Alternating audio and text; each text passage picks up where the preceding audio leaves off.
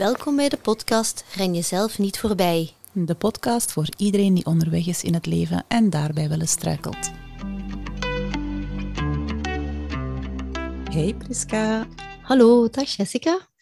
Hier zitten we weer in onze podcast, Kat. Ja, klaar voor een nieuwe episode. Ik ben eigenlijk het tel kwijt. Is het nu aflevering 6? Ja, aflevering 6, maar een hele bijzondere aflevering. Onze Mhm. eerste podcastgast, Ja. podcastgast, zit in de show. ja, klopt. We hebben vandaag Sien uitgenodigd. Sien is psychologe en ze is ook mama van drie zonen. Een echte boys mom. Ik leerde Sien kennen tijdens het postgraduaat contextuele gedragstherapie. Ze heeft eerst een opleiding gedaan eh, tot schoolpsychologe en dan werkte ze vooral met kinderen en jongeren en hun context, hè, hun thuis, maar ook de school zelf. En later is ze dan haar eigen praktijk gestart, namelijk de Kweeste. En daar begeleidt ze tegenwoordig vooral adolescenten om hen te helpen, zoals ze dat zelf zo mooi noemt, datgene te doen wat hun hart doet fluisteren. En daarnaast ondersteunt ze ook de ouders van die adolescenten en onderwijsprofessionals. Heel interessant, want ik eh, vernam ook dat zien voor haar begeleiding vooral de trefwoorden mildheid, gelijkwaardigheid en doeltreffendheid eh, gebruikt. En eh, daar konden wij ons zeker wel in vinden. Dus we hebben Sien uitgenodigd in onze podcast om het met haar te hebben over het ouderschap. Hoe kunnen we er als ouders voor zorgen dat we onszelf niet voorbij rennen? Hm? Mhm. En hoe kunnen we onze kinderen leren dat ze oké zijn zoals ze zijn, maar ze tegelijkertijd ook helpen om ja, toch wel hun dromen na te jagen? En hoe wapen je je kinderen tegen de moeilijke dingen van het leven? Kortom, eh, een heleboel vragen die waarschijnlijk ook wel wat ouders bezighouden. Maar Sien, vertel misschien eens eerst, waarom doe jij eigenlijk wat jij doet? Ehm, eerst al dankjewel om jullie eerste podcast eh, gasten te mogen zijn. Ik ben vereerd. Ehm, en ik hoorde bij de intro al ja, vragen waar alle ouders mee worstelen. Mhm. Hoe zorg ik voor mezelf en voor mijn kinderen en hun dromen? Maar dat is dan voor Sevens. Waarom doe ik wat ik doe? Ehm, ik denk eigenlijk in mijn eerste job heb ik heel veel worstelende kinderen en jongeren gezien Mhm. die vastliepen in een systeem. En mijn hart brak van hen te zien. En, en hun hart was al ondergesneeuwd of zo. Ehm, doen wat je hart fluistert als je hart niet meer hoort. Oké, dat is mooi Ja. gezegd wel. Ja. Ja, ja. En met het Ehm, systeem bedoelt je dan eigenlijk vooral het, het schoolsysteem en de verwachtingen van de maatschappij en dergelijke? Ja, en, en, en de toch wel redreis waar we als ouders ook in zitten. Ik ja, denk, en de gevolgen daarvan.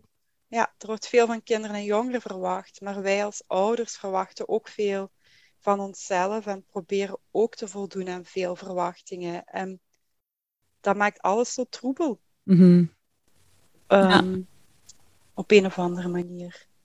Ja, en, en wat zijn dan zoal dingen waar je je, je huidig cliënteel wat mee helpt? Hè? Die strubbelingen die zij, waar ze tegenaan lopen, wat zijn dat zoal dan? Ehm, in eerste instantie ga ik altijd met hen op zoek van wat zet u nu eigenlijk in beweging? Ehm, Mhm. Wat maakt dat je nu doet wat je doet? Ja. En, en daar gaan we naar kijken. En dan komt onvermijdelijk de vraag: is dit wat je echt wilt doen? Ja. Dat is eigenlijk wel gemeenschappelijk. Of ik nu met leerkrachten werk, of met ouders, of met jongeren. Dat is de rode draad. Mhm. Iets zet mij in beweging. Ik weet niet eigenlijk, ik, dikwijls weet ik niet wat mij in beweging zet. ja. En dan, ja, de, soms voelen ze het al, hè, het schuurt. Ik ben Ja. iets aan het doen wat ik niet wil doen.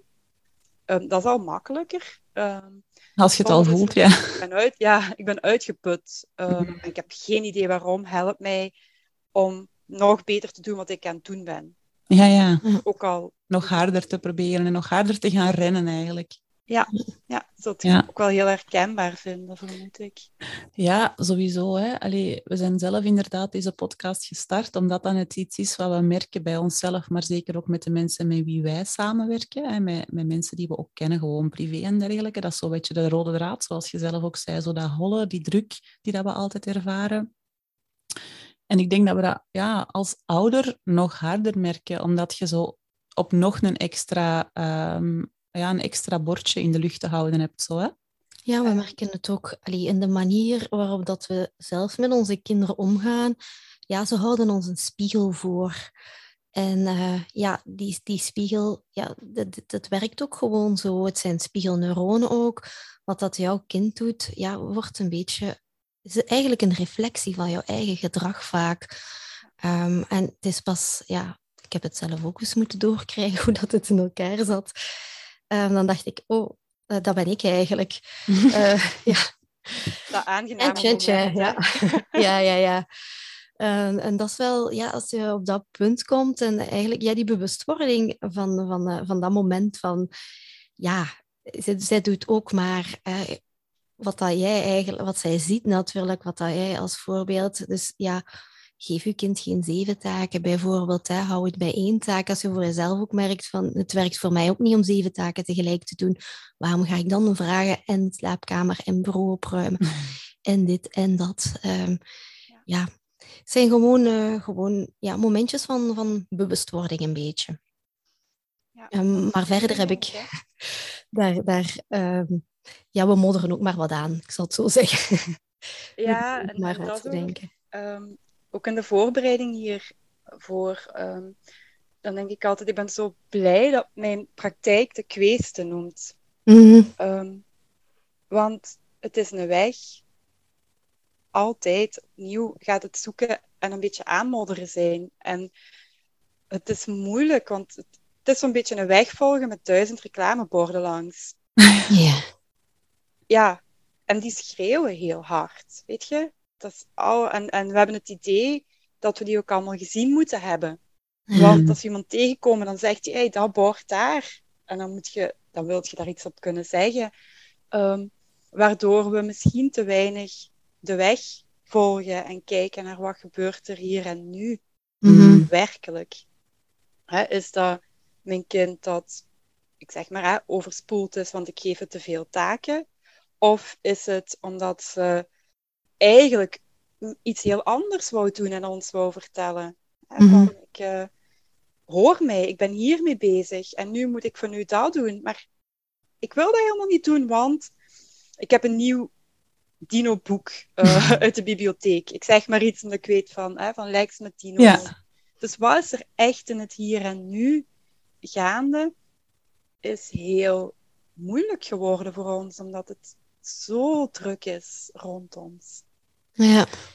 Ja, daarnet in de, in de voorbespreking, hè, we waren het een beetje aan het voorbereiden van wat zijn dingen die dat we zeker willen zeggen. En, en het ging daar inderdaad ook over de, de rol als, als mama ten opzichte van als papa. En, en dat we zo wel merken dat het in veel gezinnen ja, bepaalde taken typisch voor de mama zijn.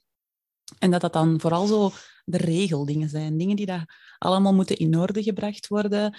Inschrijven in de opvang, in de kampjes, ervoor zorgen dat de boekentassen gemaakt zijn, ervoor zorgen dat het materiaal dat in de boekentassen moet zitten, dat dat er allemaal is en dergelijke. En dat het soms lijkt alsof zo papa de leuke dingen dan mag doen. Um, ik weet niet, ja, ik herken dat zelf een beetje, maar bij ons zit daar wel een, een goed evenwicht in. Ik heb wel bijvoorbeeld, hè, mijn man heeft ervoor gekozen om 90% te gaan werken, zodat hij op woensdagnamiddag de kinderen kan rondrijden naar de hobby's en dergelijke. Ja. en ook misschien wat tijd met hen kan doorbrengen wel. Maar dat is iets dat heel vaak de mama doet. Hè?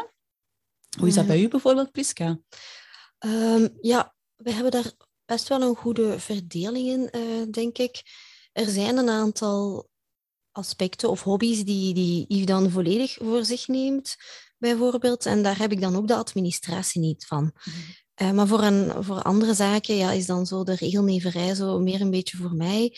Um, ja, ik trek me dat ook een beetje harder aan dan, dan, dan hij. Dat is gewoon zo. Ik denk dat dat ook iets is dat uh, speelt bij veel moeders heeft het kind het juiste kleedje aan met de juiste schoenen erbij. En dat is ook een beetje weer ja, loslaten of gewoon het zijn laten als het een keer niet zo is. Ja, die, die momguilt is wel iets dat een beetje speelt. Um, ja. Is dat terecht? Ja, is dat iets dat... Hoe, hoe, komt dat wij als vrouwen daar zoveel last van hebben? Want ik merk wel, hij zegt dan, maar doe dan maar gewoon gelijk ik. Hè. Zeg, ja, dan is er niks in orde.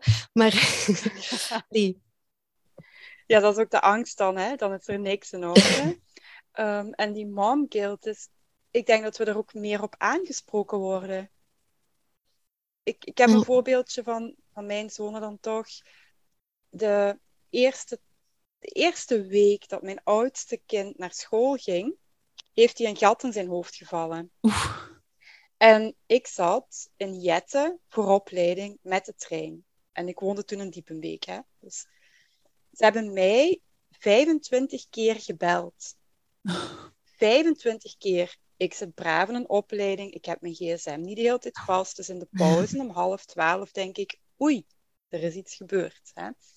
Ehm, ze hebben de papa niet gebeld Ja. in die 25 keer. En natuurlijk denk je dan als mama, ehm, en ik zeker ook, oei, ik had, ik had dat moeten weten. Hè? Ik, had mijn, ik had op zijn minst moeten zorgen dat als de school belt, dat dat doorkomt. Of ik had, weet ik veel. En dan, Mhm.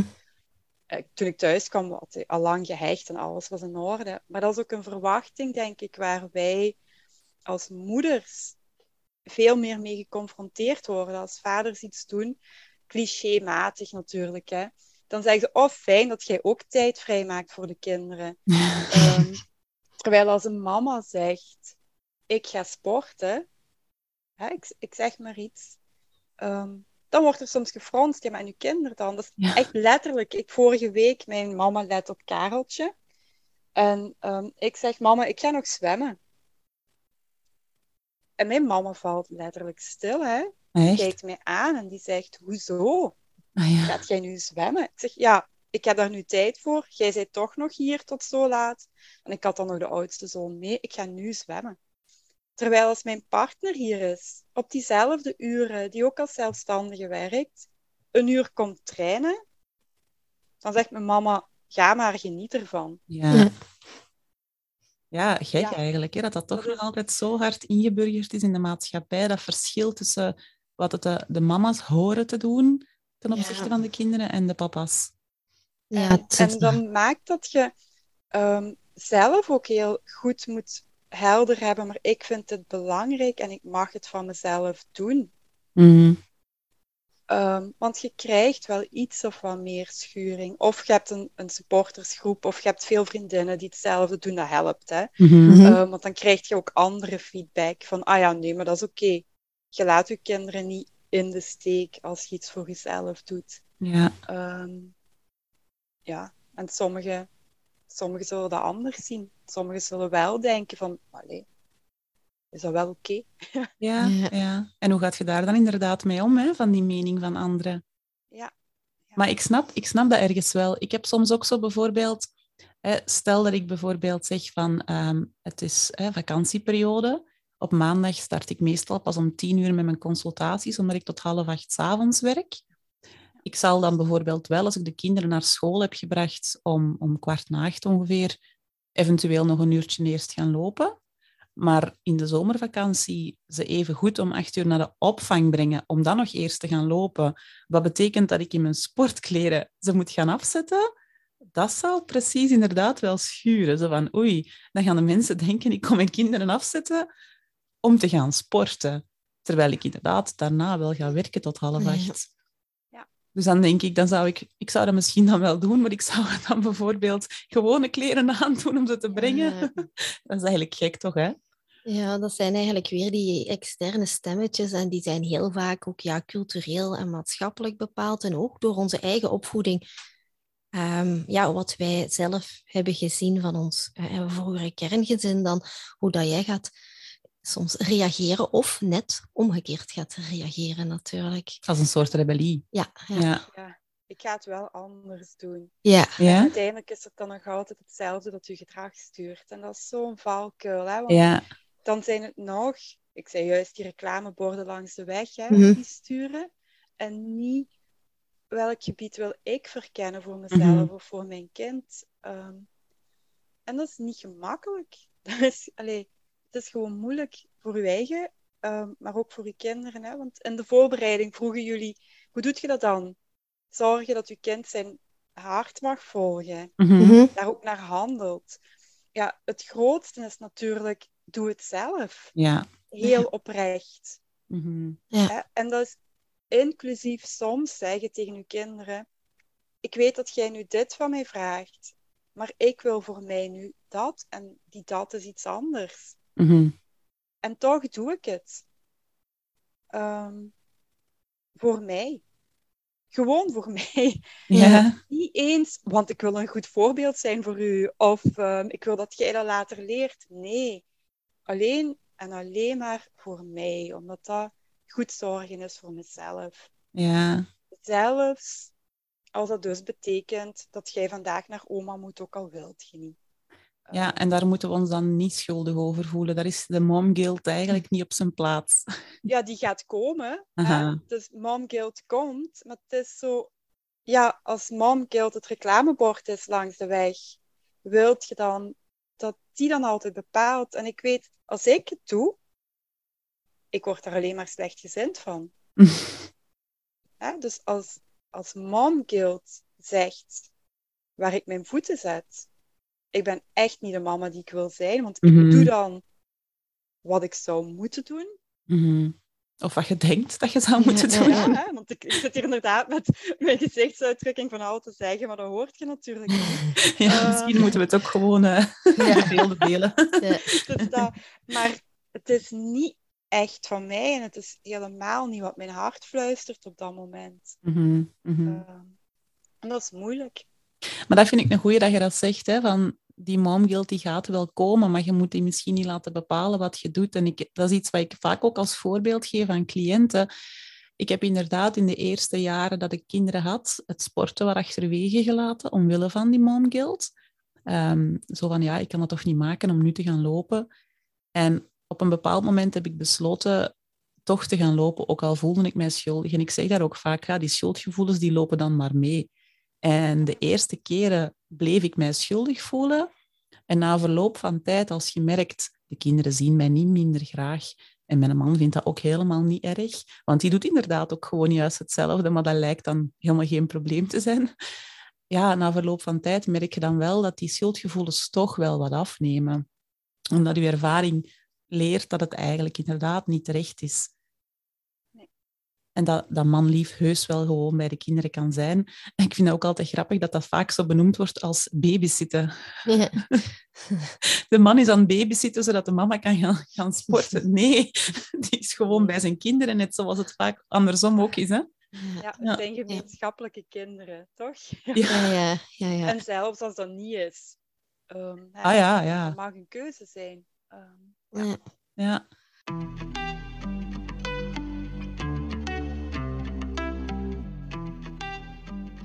Uh, misschien jij zei zo van eh, ja, naar dat hart eh, luisteren, zo, wat, wat het ja, je dan influistert. Uh, maar heb je daar praktische tips voor? Hoe dat je dat eigenlijk kan doen samen met je kind? Of, ja, of hoe ga jij daar in de praktijk mee, mee om? Met de Ehm. adolescenten en de ouders die je begeleidt? Ja, en eh, het eerste stukje is als het, ja, als het voor kinderen gaat, ehm, dan is het uitzoeken, experimenteren en er woorden aan geven. Dus als ouder goed kijken, wanneer blinkt uw kind, wanneer Mm. blinkt het niet. Ja, Ehm, en hen daar woorden voor geven, want zij, allee, een kind kan niet zomaar zeggen, oh ja, dit fluistert mijn hart. Mhm. nee. dat is aangeleerd, hè? Ehm, om, om daarnaar te gaan kijken, om te zien wat ze dan ervaren. Bij adolescenten is het echt experimenteren, want dat is de hele adolescentie. Wie ben ik en wat vind ik belangrijk? Mhm. Super moeilijk. Ehm, en in eerste instantie, ehm, en uw dochtertje zal daar ook naartoe beginnen gaan, is wat doen mijn leeftijdsgenoten? Ja. Ja. die groep waartoe ik wil behoren. Of dat nu leeftijdsgenoten zijn of, of iets anders. Ehm, de, hier wil ik bij horen. En, en dat is oké om dat in eerste instantie te doen. Ehm, wat doen die? En, en nodig ze uit, probeer het. En kijk daarna, hoe vond je het echt? Als je eens avond alleen zit, of even zonder die vrienden. Wat vond je fijn en wat vond je niet fijn? Ja, ja. Ehm, dikwijls proberen we als ouders dan zoiets te doen. Ja, maar nee, je moet je eigen weg volgen en niet die van je vrienden. Hè? Mhm. Ehm, ik weet niet, in mijn tijd zei mijn mama, ja, als uw vrienden in het kanaal springen, Ja, oh, die- ook, hè, dat, is- dat is Ja, mijn sp- generatie. Ja, Ehm, Dat- die lachen, dus waarschijnlijk herkennen. Ja, herkenbaar. Ja, en, en zoiets zeggen wij dan ook aan onze kinderen. Terwijl ik geleerd heb in de begeleidingen ook, adolescenten horen dat te doen. Mhm. Praat ze daar geen schuldgevoel rond aan of van een vingertje van dat is niet oké, volg je eigen hart. Want ze weten dat nog niet. Ja. Ja. Dus verwacht niet van een adolescent dat die zijn, zijn richtingaanwijzers al heeft. Mhm. Ja, Zij- omdat die ook gewoon wil behoren tot een bepaalde groep. Dat is ook iets dat biologisch bepaald is. Hè? Dat we inderdaad een clan hebben waar dat we proberen wat mainstream in te zijn, niet te opvallend, niet te anders. Dus Ja, dat we gaat misschien juist schuren als we de daar andere dingen doen. We hebben echt status nodig in een groep. Ja. Mhm. Eh, wie ben ik? Wat is mijn plek hier in deze groep? Is altijd belangrijk geweest om te overleven. Mhm. En, Ja. en ergens zijn wij als ouders beginnen vertellen, dat is niet belangrijk. ja. Ga je eigen pad. Je moogt de anderen bijna niet nodig hebben. Maar dat klopt niet. Ja, het mag wel een en-en verhaal zijn op Ja. dat gebied. Ja. Ah ja, oké. Ja. Zeg, en ja, ik was ook er straks aan het denken over die mom guilt. Is dat ook niet een beetje biologisch bepaald misschien? Ik heb dat ooit eens gelezen, hè, dat wij ergens biologisch wel een beetje voorgeprogrammeerd zijn om schuldgevoel te ervaren als we zouden weggaan en ons kinderen achterlaten in hun grot. Ja, maar dat, dat is ook inderdaad, hè, als je kijkt hoe groot de investering is als moeder. Alleen al om een kind op de wereld te zetten. Hè, Dat is Mhm. voor mij nog redelijk recent. Een, een zwangerschap.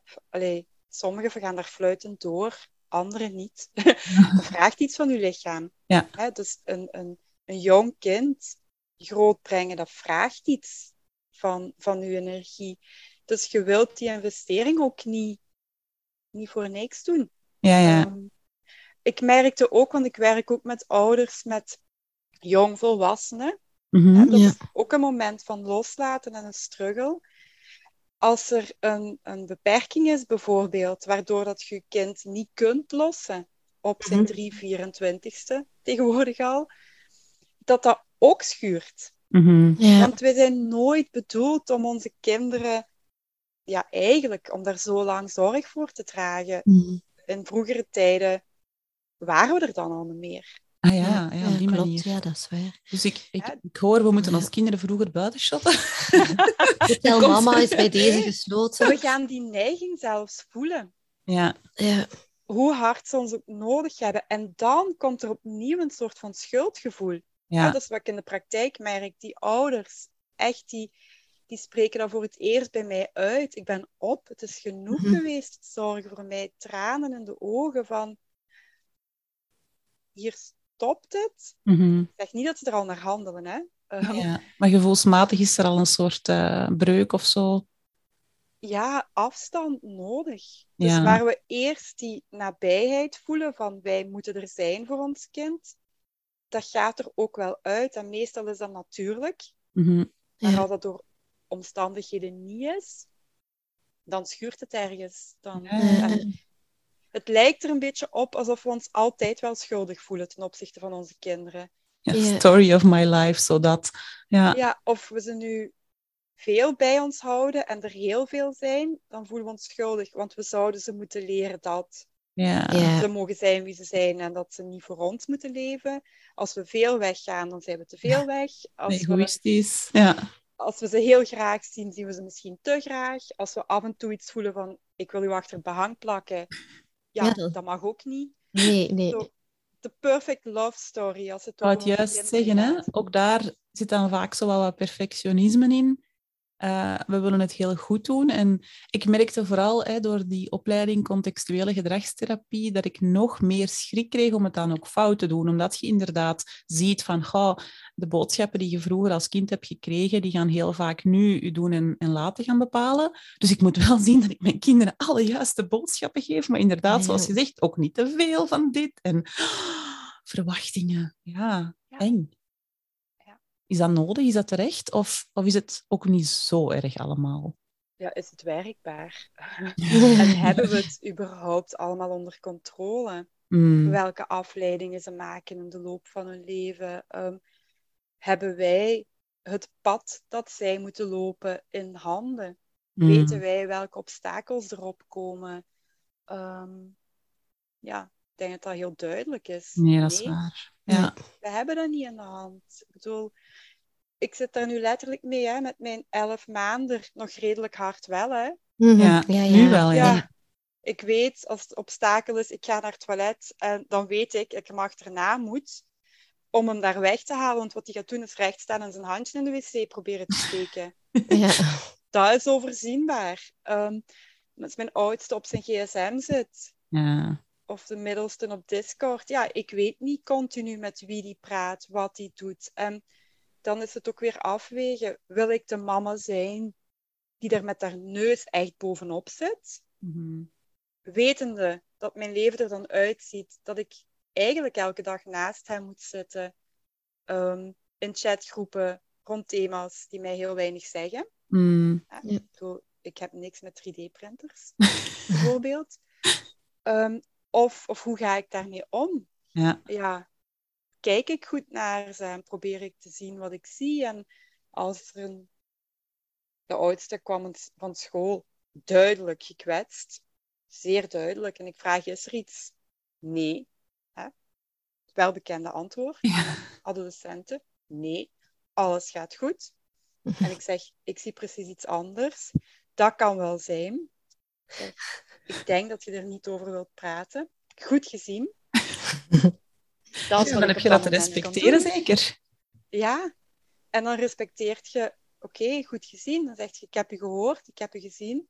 Ik laat u, maar weet dat ik het gezien heb. Ja. En ik weet eigenlijk niet meer wat het was. Hij heeft achteraf wel nog met mij gebabbeld. Kan ik op het moment dat hij iets wil zeggen, het zien en even laten vallen wat ik aan het doen ben?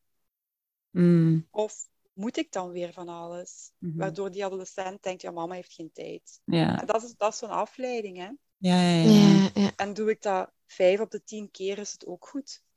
ja. Dat ik Ja, soms dat good enough parenting. Hè? ja.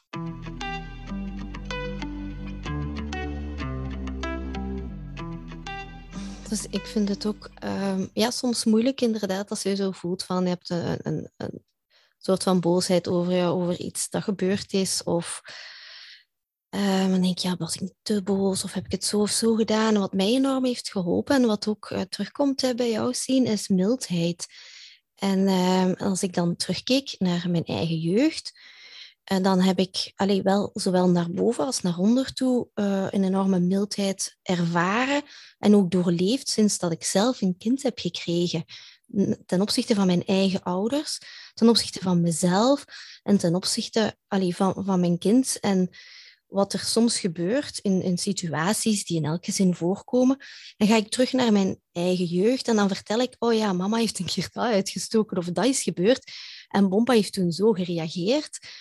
En dat maakt ons gewoon allemaal mensen op dat moment. En Mm. Dat geeft haar, hè, Helene, dan ook het gevoel van, ah, oké, ja, oh, mama heeft ook wel eens dat of dat gedaan. Ehm, en misschien heb ik op dat moment overgereageerd op haar of zo.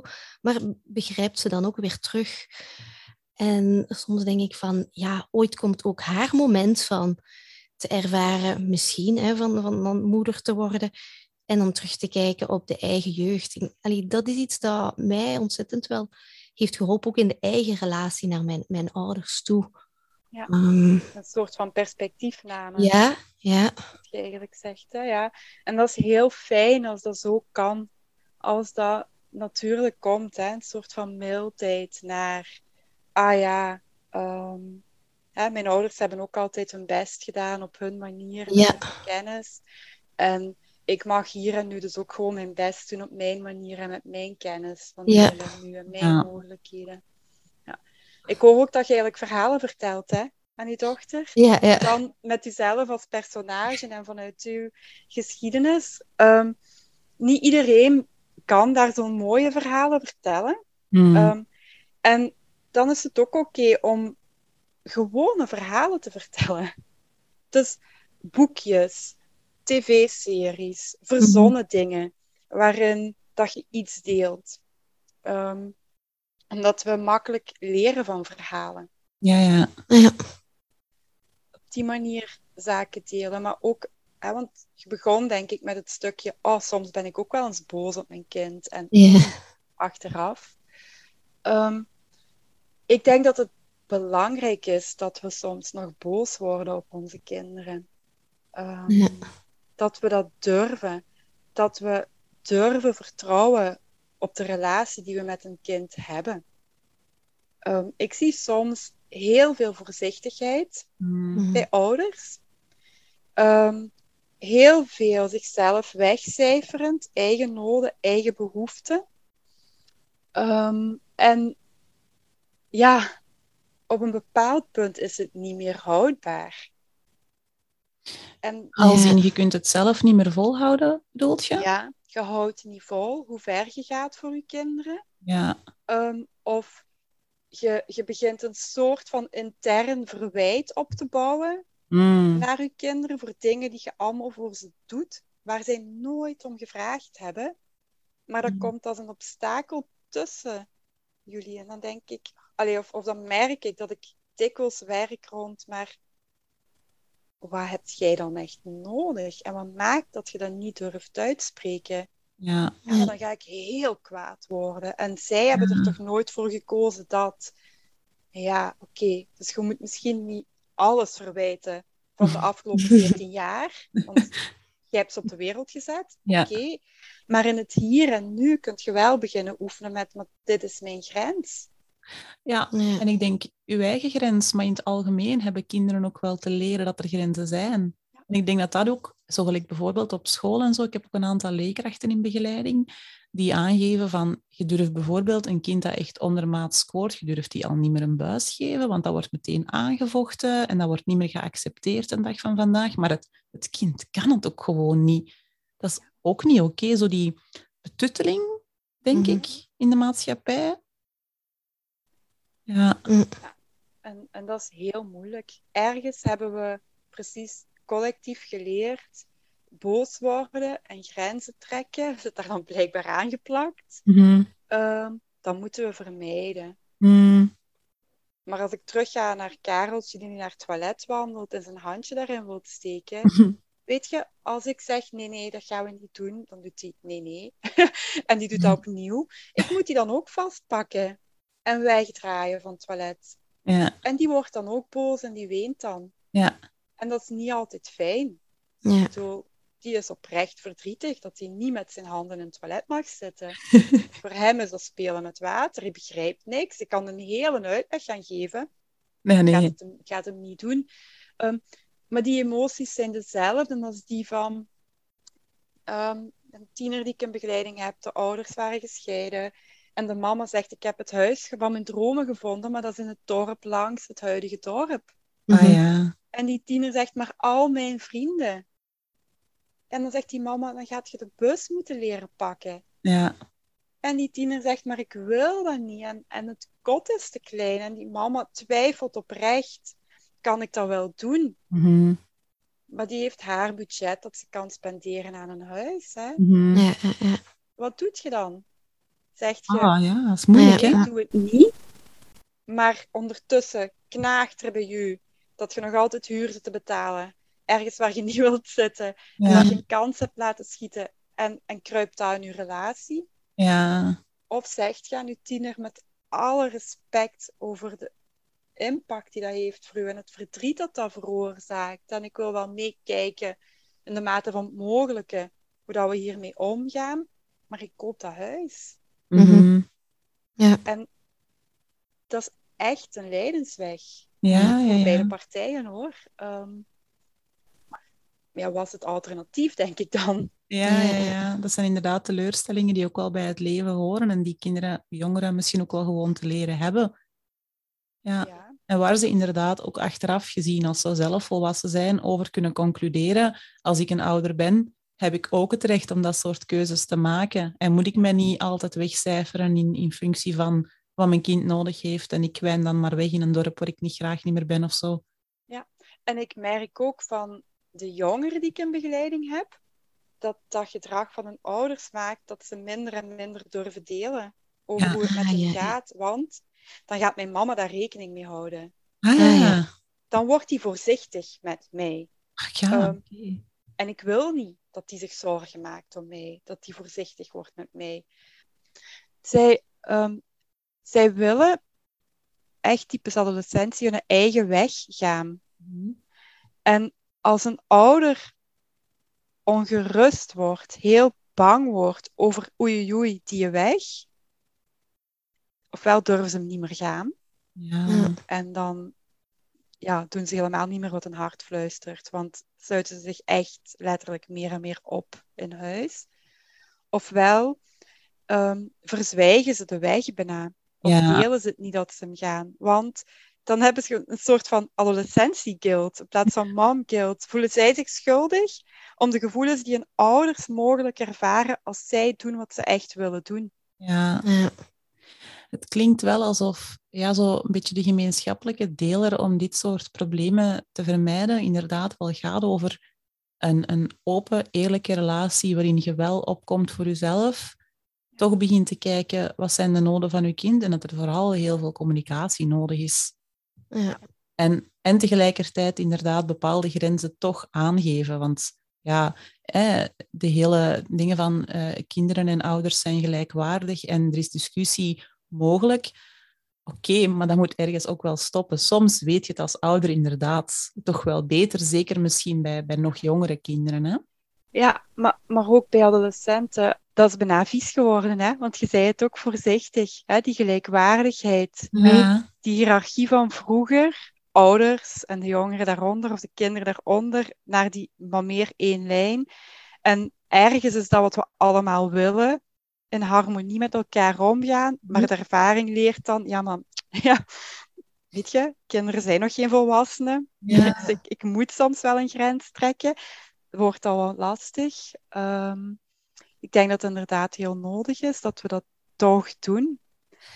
Ehm, en, en adolescenten, want dat was wat ik wou zeggen, het is per definitie de gevaarlijkste periode in hun leven. Het is een periode van heel veel dingen voor de eerste keer doen zonder ervaring. Mm. Mhm. Dat is zo. Mhm. Ehm, dus dat je als ouder bang wordt en wat controle wilt pakken, nog eens, je dierbaarste goed, en je ziet het stommiteiten begaan. Maar het is de enige weg die ze kunnen bewandelen. Hun eigen stommiteiten begaan en daaruit leren. En dan mogen thuiskomen en kunnen delen. Het is misgelopen. Ja. En ik voel me hier slecht bij. En een ouder krijgen die zegt, dat is lastig, vertel. Mhm. Ja. In plaats van, had ik het u niet gezegd? Ja. ja, had ik het niet gezegd, of dit en dit, of ja, of, of door beginnen vragen, hoe is het dan allemaal misgelopen en hoe erg is het, de inschatting. Ehm, ja, dat is in die fase, Ja. het is gebeurd. Ja, En dat als is je niet wat ze wilt dat ze nodig hebben nog- op dat dat moment. ja, ja. Ja, dus Dat vooral... willen we zelf ook niet. Als Mm. wij aan een vriendin gaan vertellen, ik ben kwaad geweest op mijn kind, en je zegt, ja, ik had het toch gezegd, hè, je had die grenzen dat drie jaar geleden al moeten trekken. Ja, dan gaat je inderdaad Nee. die vriendin de volgende keer niet meer opnieuw opzoeken als je Nee. ergens mee zit. Klopt, ja, absoluut. Ja. En adolescenten zijn ook maar mensen. Ja, ja, ja. Zeg, en als het dan gaat over iets, iets jongere kinderen, hè, ik denk de fase waarin dat wij zelf nog zitten, dat is niet per se de doelgroep waar je nu het meeste mee werkt, maar ja, als het gaat over grenzen aangeven en, en bijvoorbeeld duidelijk maken dat bepaalde dingen niet kunnen. En, en enerzijds zeg je, ik ben zelf niet echt fan van, van straffen of juist belonen als ze doen wat ik eigenlijk verwacht. Maar soms lijkt het alsof dat, dat de enige manier is om bepaalde dingen duidelijk te maken en gedaan te krijgen. En, en daarin niet voorbij te rennen. Ehm, ja, hoe, hoe pak je dat dan eigenlijk best aan? En heb je iets concreet waar je zegt, oh, daar heb ik een neiging om te gaan belonen, om, om het te toch Eh, te doen doen? bijvoorbeeld misschien ehm, ja, rond opruimen, Ja, zal ik zeggen. als je nu Eh, niet opruimt, dan mocht je ja. zondag geen tv kijken. Zo, Ja. ja, het, het, het is, ja, de spelbeleving is soms intens en dan is er, ja, is er heel veel rommel misschien en dat, dat, dat overprikkelt eh, ja, dat kan, dat kan de ouder overprikkelen natuurlijk, het kind niet op dat moment, maar dan van, en van verf naar Lego naar, ja, iedereen wordt daar een beetje, dan blijft de hele dag liggen, hoe ga je daarmee om? Uh, ik vind het altijd heel tof als ik zo van die, van die mama's zie die dan uh, helemaal in dat spel opgaan en uh, mee in de verf glijden. En wat is het allemaal? En ja, ik vind het ook wel eens tof om in zo'n moment te zijn. Maar ik heb toch ook wel graag dat, dat de dingen wel eens netjes worden opgeruimd. Ja, hoe gaan we daarmee om? Inderdaad, straffen of belonen? Ja, ehm. ik vind daar het, het mooie. Ik heb hier de middelste die absoluut niet graag opruimt, maar echt, echt, die vindt dat de hel. De hele straat weet dat hier al. Hè. Ehm, dus echt. En ik heb dan ook geleerd om naar mezelf te kijken. En dan denk ik, welke boodschappen heb ik die kinderen al van kleins af aan meegegeven rond opruimen? Um, anekdotes, de oudste, die was twee, die kwam middagslaapje uit zijn kamer en die zei tegen zijn papa, dat klopt niet. Mama moet nu de speelkamer opruimen. En ik was toen eens iets anders aan het doen. Dus ik heb, toen die heel klein waren, altijd opgeruimd als die sliepen. Dus voor hen opruimen is iets wat magischerwijze gebeurt. Terwijl hij heel snel door had dat mama dat magisch wezen was. Ehm, en ik heb zelf heel veel lopen mopperen over opruimen. Want als ik 24 uur in een dag heb, zijn er dingen die ik liever doe. Ja. Dat is niet zo handig om dat zo aan te pakken. Hè? Want je zegt eigenlijk opruimen aan zich is al een straf. Mm. Maar ja, want het is iets onaangenaam dus als je kunt, je begint nog jonger. um, wat ik nu ook probeer te doen met Kareltje, is um, van in het begin het samen te doen. Ah, ja. ja. dus het, uh, het niet zo als straf beschouwen, maar als deel van wat we aan het doen zijn. Ja. Um, als we met de blokken spelen, dan is de blokken terug in het mandje gooien ook nog spelen. Ah, ja, ja. En ik zal het ook zeker niet meer doen als hij slaapt. Ja ja, hoe klein die ook is, hè, gaat dat werken? Ja, ik kan het jullie over tien jaar zeggen natuurlijk. Ehm, maar ik denk dat dat al belangrijk is. Als ik kijk naar mijn middelste, weet je, ik begrijp heel goed dat opruimen niet is wat zijn hartje fluistert. Want die heeft duizend en één ideeën om te doen. Mhm. En die heeft nog geen goed besef van tijd. Dus die denkt, als ik nu moet opruimen, dan krijg ik helemaal niet meer gedaan wat ik allemaal wil. Ehm, en dat gevoel ken ik. Dat heb ik ook. Als ik ja. weer al de tafel moet afruimen, uh, terwijl ik nog honderd andere dingen wil doen. Dus ik geef daar wel erkenning voor. Altijd. Ik weet dat dat niet uw lievelingstaak is. Ik begrijp dat. Um, en dan is het een stukje van, oké, is wel iets wat we gaan moeten doen. Dus hoe pakken we dit zo snel en zo efficiënt mogelijk aan? En je moogt het van mij grommelend doen. Je moogt het van mij verdrietig doen. Je moogt het van mij boos doen. Maar ik wil wel dat het gedaan is. Ja, ja. Um, dus dat is een beetje, ja, act for kids wise. Hè? Mm Erkennen dat dat niet zijn fluisterend hartje is. Um, dat de uil is dat dan de gedachte, dat er heel veel rond speelt en ik help hem dat verwoorden. Mm -hmm. want hij vindt verwoorden heel moeilijk en dan ontploft hij gewoon. Dus ik geef die taal nog en dan kan mm -hmm. daarin mee. En de boom is de feiten, we doen het. En dus ja. doen we het samen. Ja, ja, ja. Dan werken we ook samen. Mm-hmm. Ja. Ik denk wel dat, dat het... Uh, allee, je zei daarnet van... Ja, we zullen zien over tien jaar of het werkt. Maar ik denk wel allee, dat het werkt. Uh, Kareltje en Helene die schelen nu tien jaar ertussenin. Misschien moeten we die middelste van jou en die van mij eens laten afspreken, want het uh, klinkt heel erg uh, hetzelfde rond dat opruimen. En onlangs heb ik dus iets nieuws geprobeerd, inderdaad, samen. En uh, ja, ze was zo overweldigd van alles wat daar lag. Ze is ook heel creatief met oh, karton en verven van alles. En, en op een half uur is al helemaal, ja, is die ruimte helemaal gevuld. En dan, dan lijkt dat natuurlijk alsof dat zoveel is. Onoverkomelijk. Ja, onoverkomelijk. Hè. Dat is op dat moment... Uh, en, en dat werkte, dat, dat samen. En dan was er ook achteraf inderdaad een soort van... Ja, fierheid over van... Kijk, oh, zo is het nu heel mooi. Mijn speeltafel en mijn knutseltafel. En wauw, ik heb dat zo gedaan. En nu gaan we dat zo proberen te mm. houden. Ehm, maar samen uh, werkte wel, in plaats van dat ik de opdrachtgever was. Ja, Ja, en, en je krijgt dan ook een wij samen in plaats van een inderdaad ik opdrachtgever, jij slaaf. Mm. Alleen, want zo klinkt het dan. En ze kunnen dat nog niet. Zeker die, die creatievelingen, hè, dat is chaos. Mm. Als die iets beginnen te doen, hè, hier is dat ook, dat is echt chaos. En dan denk ik, goh, ik wil eigenlijk niet kwijt dat hem dit doet. Ja. Want wat is het alternatief? Als die op zijn tablet zit, maakt hij niks vuil. Mm. En is hij stil en braaf bezig. En dat is heel rap opgeruimd. Ehm, eigenlijk heeft hij dan minder gedoe met zijn mama. Mm. Ja. Daar ga ik niet over zagen dan, over de rommel. Maar dat is het laatste wat ik wil. En dat dicht bij mij houden, als mijn waarde, helpt mij ook wel. Om Ja. niet los te gaan. Hè? Als ehm, zijn kamer weer vol ligt, letterlijk vorige week, met drie broeken en onderbroeken op de vensterbank, verstopt achter de gordijnen. Ja, dan denk je, hoe is het mogelijk?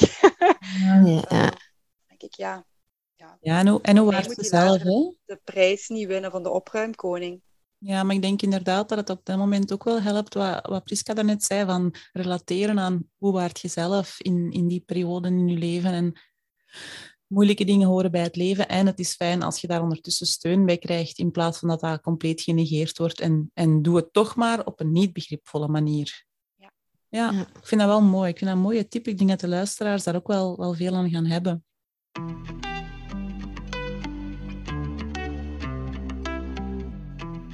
Dus als ik het goed begrijp, is het wel een beetje een kwestie van, van samenwerken, erkenning hebben voor de gevoelens. En oké, als je boos wordt, dat kan soms gebeuren, want ja, je eigen geduld is natuurlijk ook niet oneindig. Je hebt inderdaad als ouder ook nog heel veel andere eh, bordjes die je draaiende wilt houden op die stokjes van die circusact. Eh maar ja, wat, wat doet je dan bijvoorbeeld als je toch eens een keer uit je krammen bent geschoten, als je toch eens een keer heel hard geroepen hebt of echt heel boos bent geworden en, en daar toch wel schuldgevoelens rond hebt? Wat zijn dan tips om daarmee om te gaan?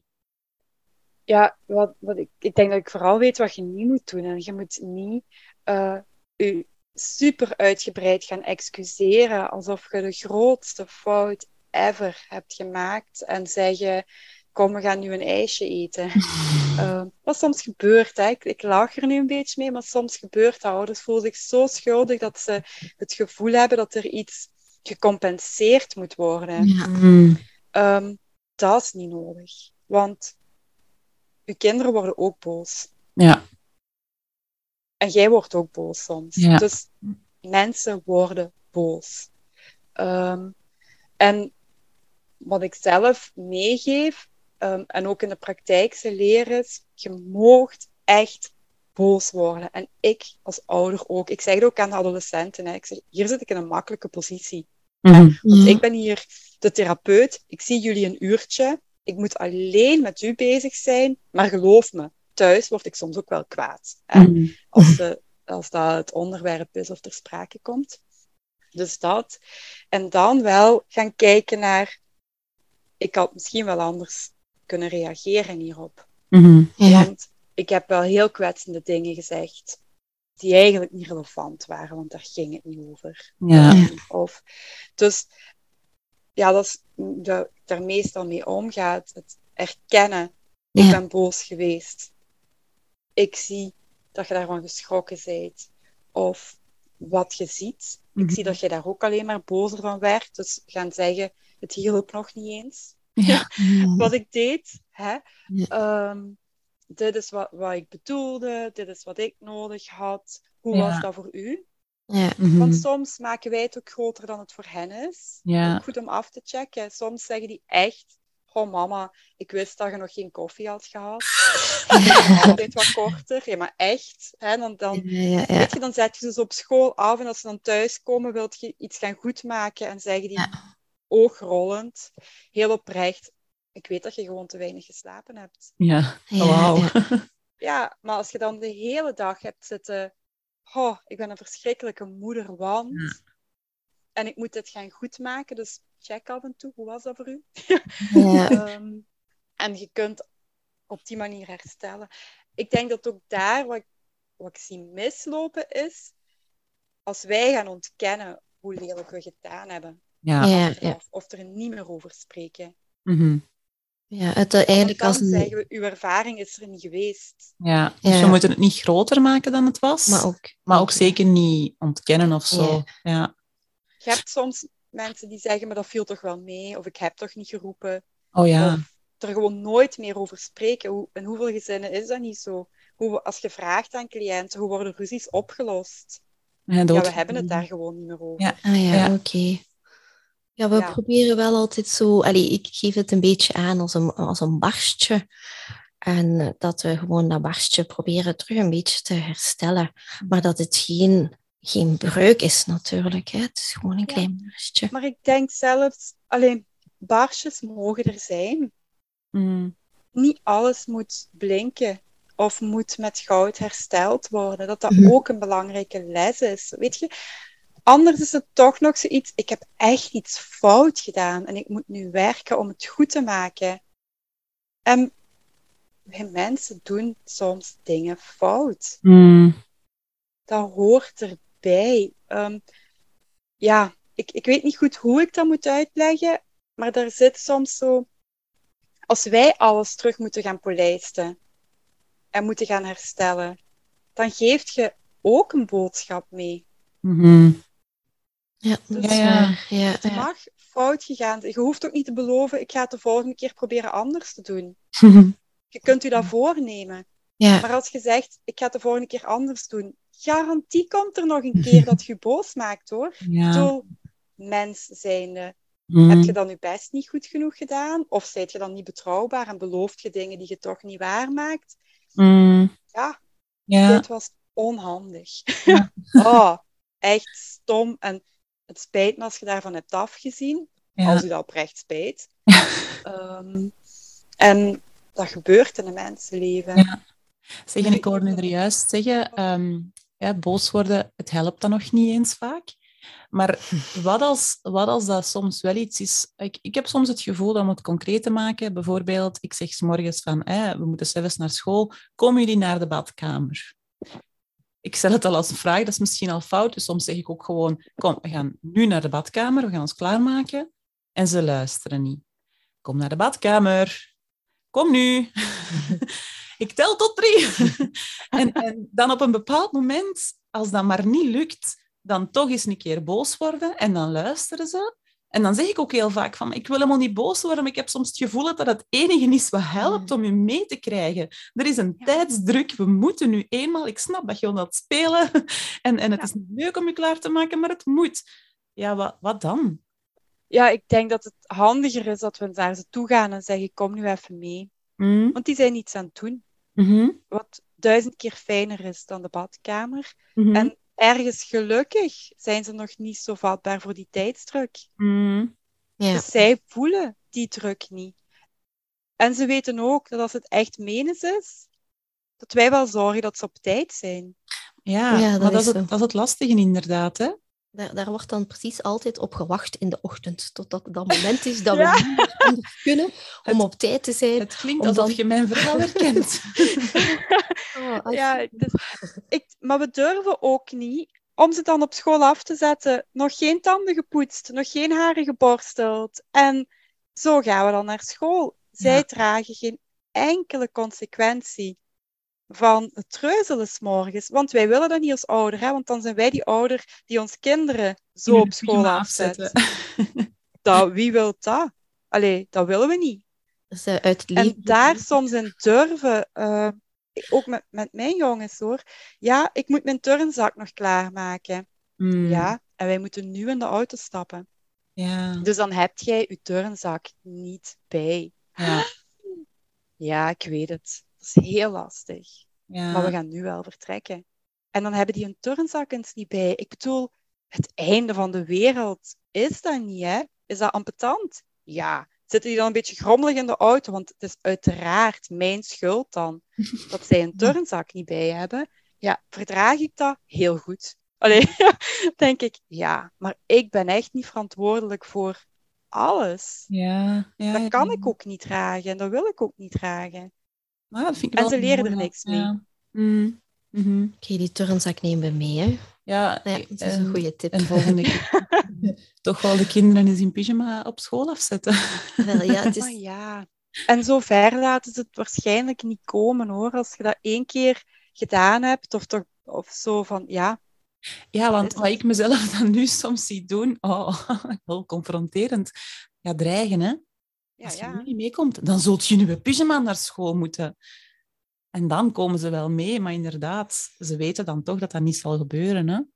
ja, en stel je voor dat je daar eens heel rustig onder blijft. En je zegt dat niet dreigend, maar je zegt dat heel vriendelijk. Je zegt, we hebben nog zoveel tijd, dit moet er nog in gebeuren. Weet je, je gaat moeten kiezen. Ofwel doet je dat nog, ofwel dit. Maar dan vertrek ik. Ja. Die weten niet wat er overkomt hoor. Eén, want die zijn gewoon dat je stresst. En je, je doet alsof er niks aan... Je moet je dan ook niet boos maken. Hè? Ja, ik zeg dan ook niet aan mijn kinderen, ja, en je gaat je turnzak niet bij hebben. En dan krijg je nul voor orde. En eh, ja, nee, ik zeg ja, dat gebeurt. Ja, ja. Ja. Turnzak niet bij. Dat, is een, dat krijgt een consequentie op school. ja. Dus ik onthoud dat ik iets ga proberen, maar dat ik waarschijnlijk niet ga kunnen vermijden dat dat niet altijd gaat lukken. ja. dat ik af en toe alsnog boos ga worden en achteraf ga denken, "Tju, ik heb weer geroepen, ik had dat niet willen doen. Ja. Dat is Ja. ook wel oké. Dat mogen zij ook af en toe roepen. Mhm, mhm. En ik denk als er iets is, misschien wat ik heel belangrijk vind, is alle emoties mogen er zijn. Ja, ja. Ook die. ja. Ook die waar ik ook last van heb, als ja, zij ze ervaart. Ehm, ja, dat is denk ik een van de belangrijkste dingen die ik wil dat ze ervaren. Ook in therapie. Mijn cliënten Ja. mogen ook echt boos zijn op mij. Mhm, En ik ben dan niet helemaal ondersteboven. mhm. Ik vind dat ook niet fijn, hè. maar dan denk ik, ja, is goed. Jij Ja, ja. mag kwaad zijn op mij van dit of van dat.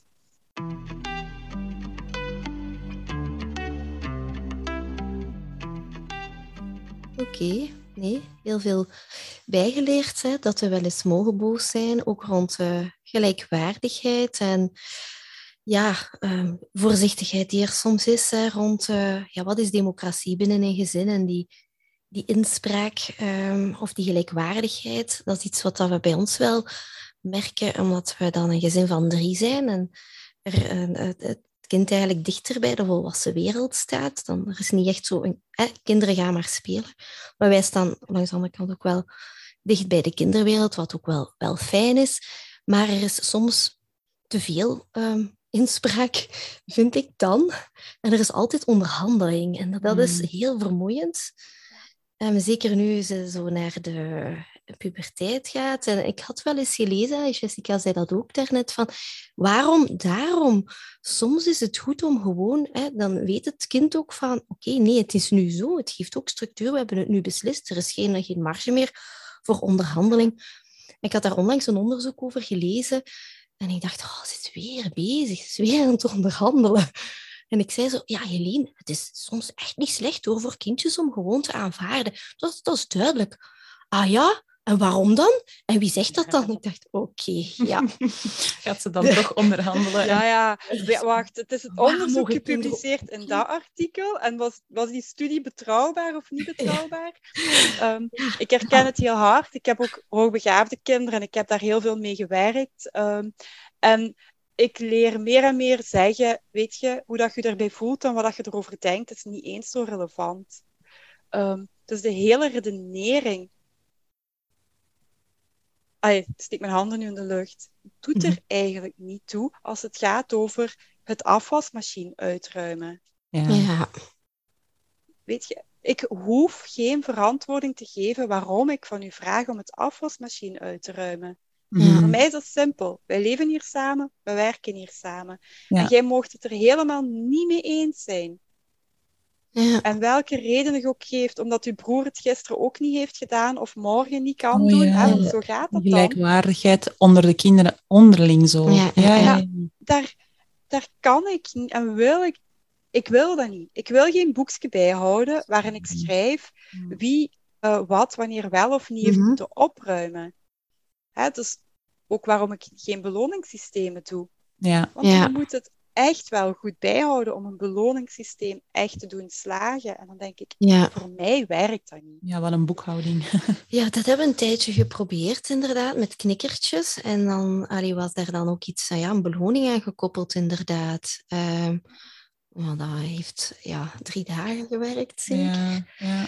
Ja, het, het, het vraagt een Maar- soort van boekhouding bijhouden. Ja. Ja, en het lastige is als ze inderdaad een beloning moeten krijgen voor dat soort taken, dat ze dan nog meer de associatie hebben. Het is iets heel onaangenaam. Je moet ervoor zorgen dat het zo snel mogelijk voorbij is. Het is de enige reden dat ik het doe, is om een beloning te krijgen. Ja, En dan ja wordt dat eigenlijk nog het sterker. resultaat. Echt waar. Ze zei, ja, krijg ik een knikker, krijg ik een knikker. Ik heb dat gedaan. Ja, dat hoort er gewoon bij. Allee, je boekentas leegmaken met je boterhamdoos op het einde van de dag, dat hoort er gewoon bij. Krijg ik een knikker? Ik dacht, oh nee, dit, is, dit gaat ook niet de goede kant op. Dus we modderen er maar wat aan, hoor. Ja.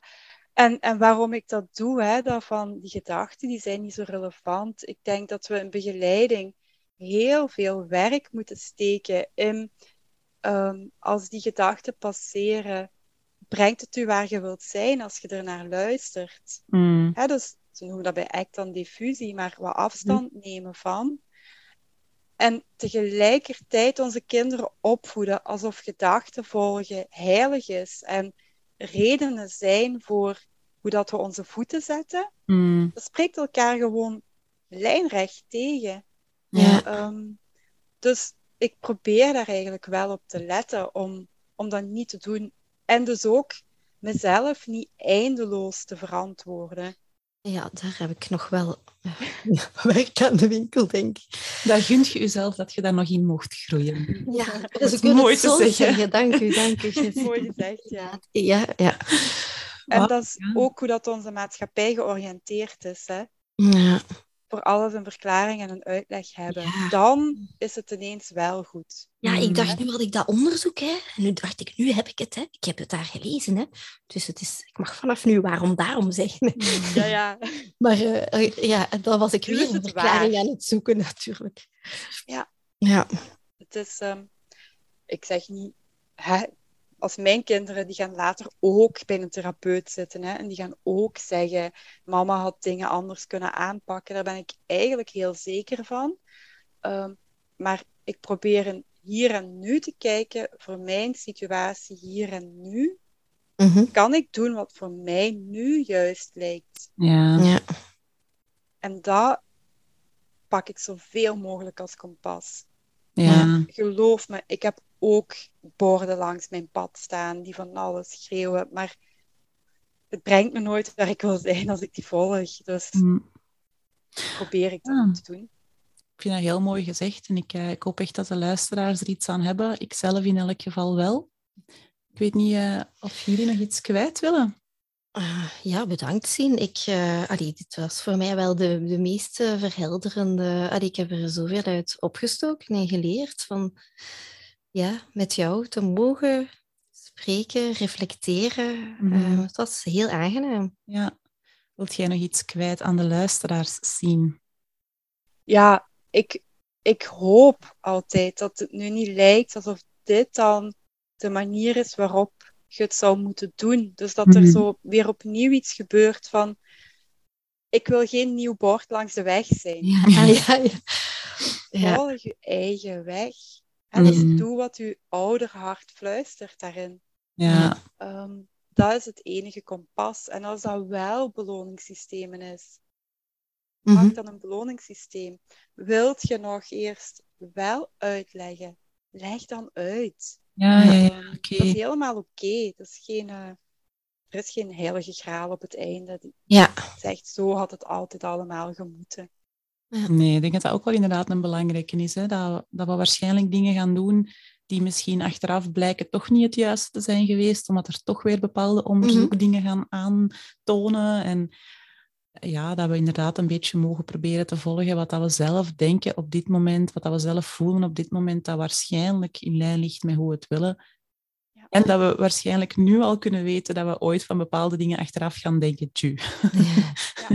Misschien is dat wel het belangrijkste. En wat daar ook weer mooi in is, dat heb ik zelf ook, eh, ik weet nu even niet meer welke psycholoog dat was.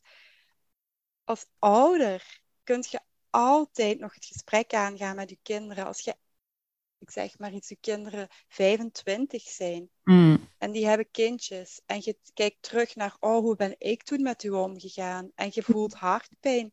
Kunt je nog altijd aan je kinderen zeggen, oh, weet je, die periode dat jij klein was, heb ik toch dingen gedaan waarvan ik nu denk, Mm. ik had het misschien beter anders gedaan.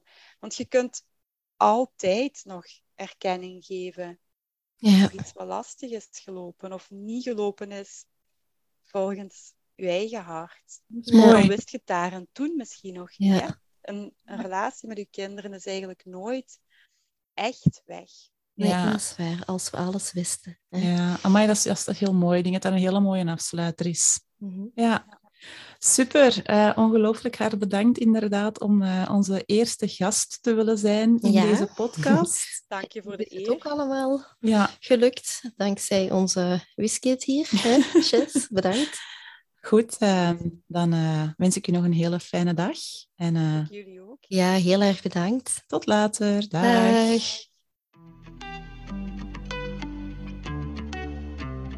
Dit was alweer een nieuwe aflevering van Gren jezelf niet voorbij. Je zou er ons zot veel plezier mee doen als je onze podcast zou willen delen op social media. Of we vinden het natuurlijk ook super als je een review zou willen achterlaten. Op onze website kan je zien hoe dat je dat doet. Is er een onderwerp waarvan jij vindt dat het aan bod moet komen? Laat het ons weten via inchecken at renjezelfnietvoorbij.be. En eh, ondertussen, ren je zelf niet voorbij. Hè.